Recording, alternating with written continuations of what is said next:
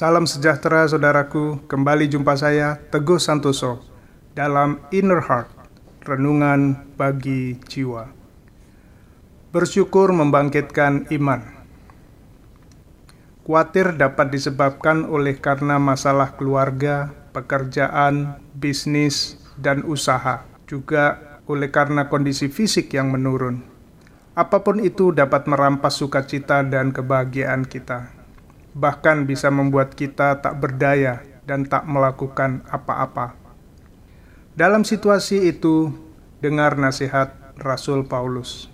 Janganlah hendaknya kamu khawatir tentang apa pun juga, tetapi nyatakanlah dalam segala hal keinginanmu kepada Allah dalam doa dan permohonan dengan ucapan syukur.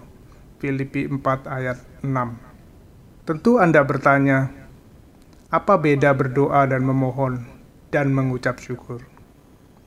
Doa memiliki arti lebih luas, yaitu percakapan dengan Tuhan, bisa berupa pujian, penyembahan, pengakuan dosa, permohonan, dan bersyukur. Dalam situasi khawatir, kita cenderung berteriak minta tolong, tetapi Paulus memberi saran agar kita bersyukur. Setelah saya merenungkan, Ketika meminta, saya sering merasa ragu apakah Tuhan mendengar dan akan menolong saya. Padahal firman Tuhan dalam Yakobus 1 ayat 6 dan 7 berkata, Hendaklah ia memintanya dalam iman dan sama sekali jangan bimbang, sebab orang yang bimbang sama dengan gelombang laut yang diombang-ambingkan kian kemari oleh angin. Orang yang demikian janganlah mengira bahwa ia akan menerima sesuatu dari Tuhan. Jadi jika kita meminta harus disertai dengan iman. Di sinilah peran ucapan syukur. Ucapan syukur dapat membangkitkan iman. Ucapan syukur mengingatkan kita akan apa yang sudah dilakukan Allah untuk kita. Natal tahun lalu seharusnya kami bersuka cita berkumpul dengan keluarga, tetapi hal itu tidak terjadi. Adik kandung saya di usia 50-an terpapar COVID-19 dan kondisinya kian memburuk pada malam Natal. Akhirnya ia dibawa ke rumah sakit. Hampir sebulan dia di rumah sakit dan sekitar 10 hari harus dibius total dan dibantu dengan ventilator untuk memperbaiki fungsi paru-parunya. Kami semua berdoa meminta kesembuhan dari Tuhan. Firman Tuhan dari Filipi 4 ayat 6 itu mendorong saya untuk berdoa dengan disertai ucapan syukur. Saya bersyukur untuk banyak berkat dan kebaikan Tuhan yang telah kami terima.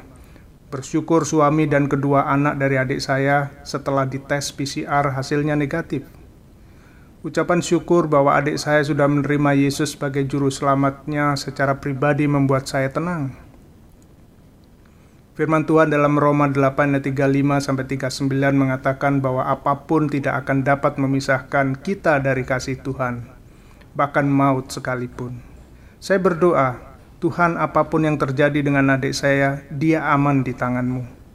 Tetapi jika engkau berkenan, berilah dia waktu di dunia ini untuk menjadi saksimu, menjadi berkat bagi orang di sekitarnya. Puji Tuhan, dia mengabulkan doa kami. Adik saya sekarang sembuh. Bersyukur membuat saya tenang di tengah-tengah badai.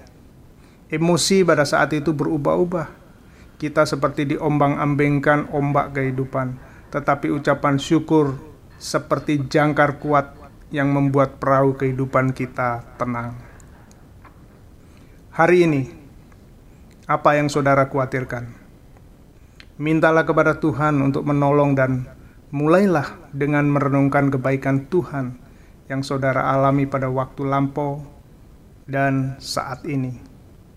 Mulailah dengan bersyukur untuk nafas kehidupan yang ia berikan, kesehatan yang ia berikan, rejeki yang ia berikan. Mari meminta dan bersyukur kepada Tuhan. Semoga renungan ini menyegarkan dan menguatkan jiwa saudara. Sampai jumpa esok hari.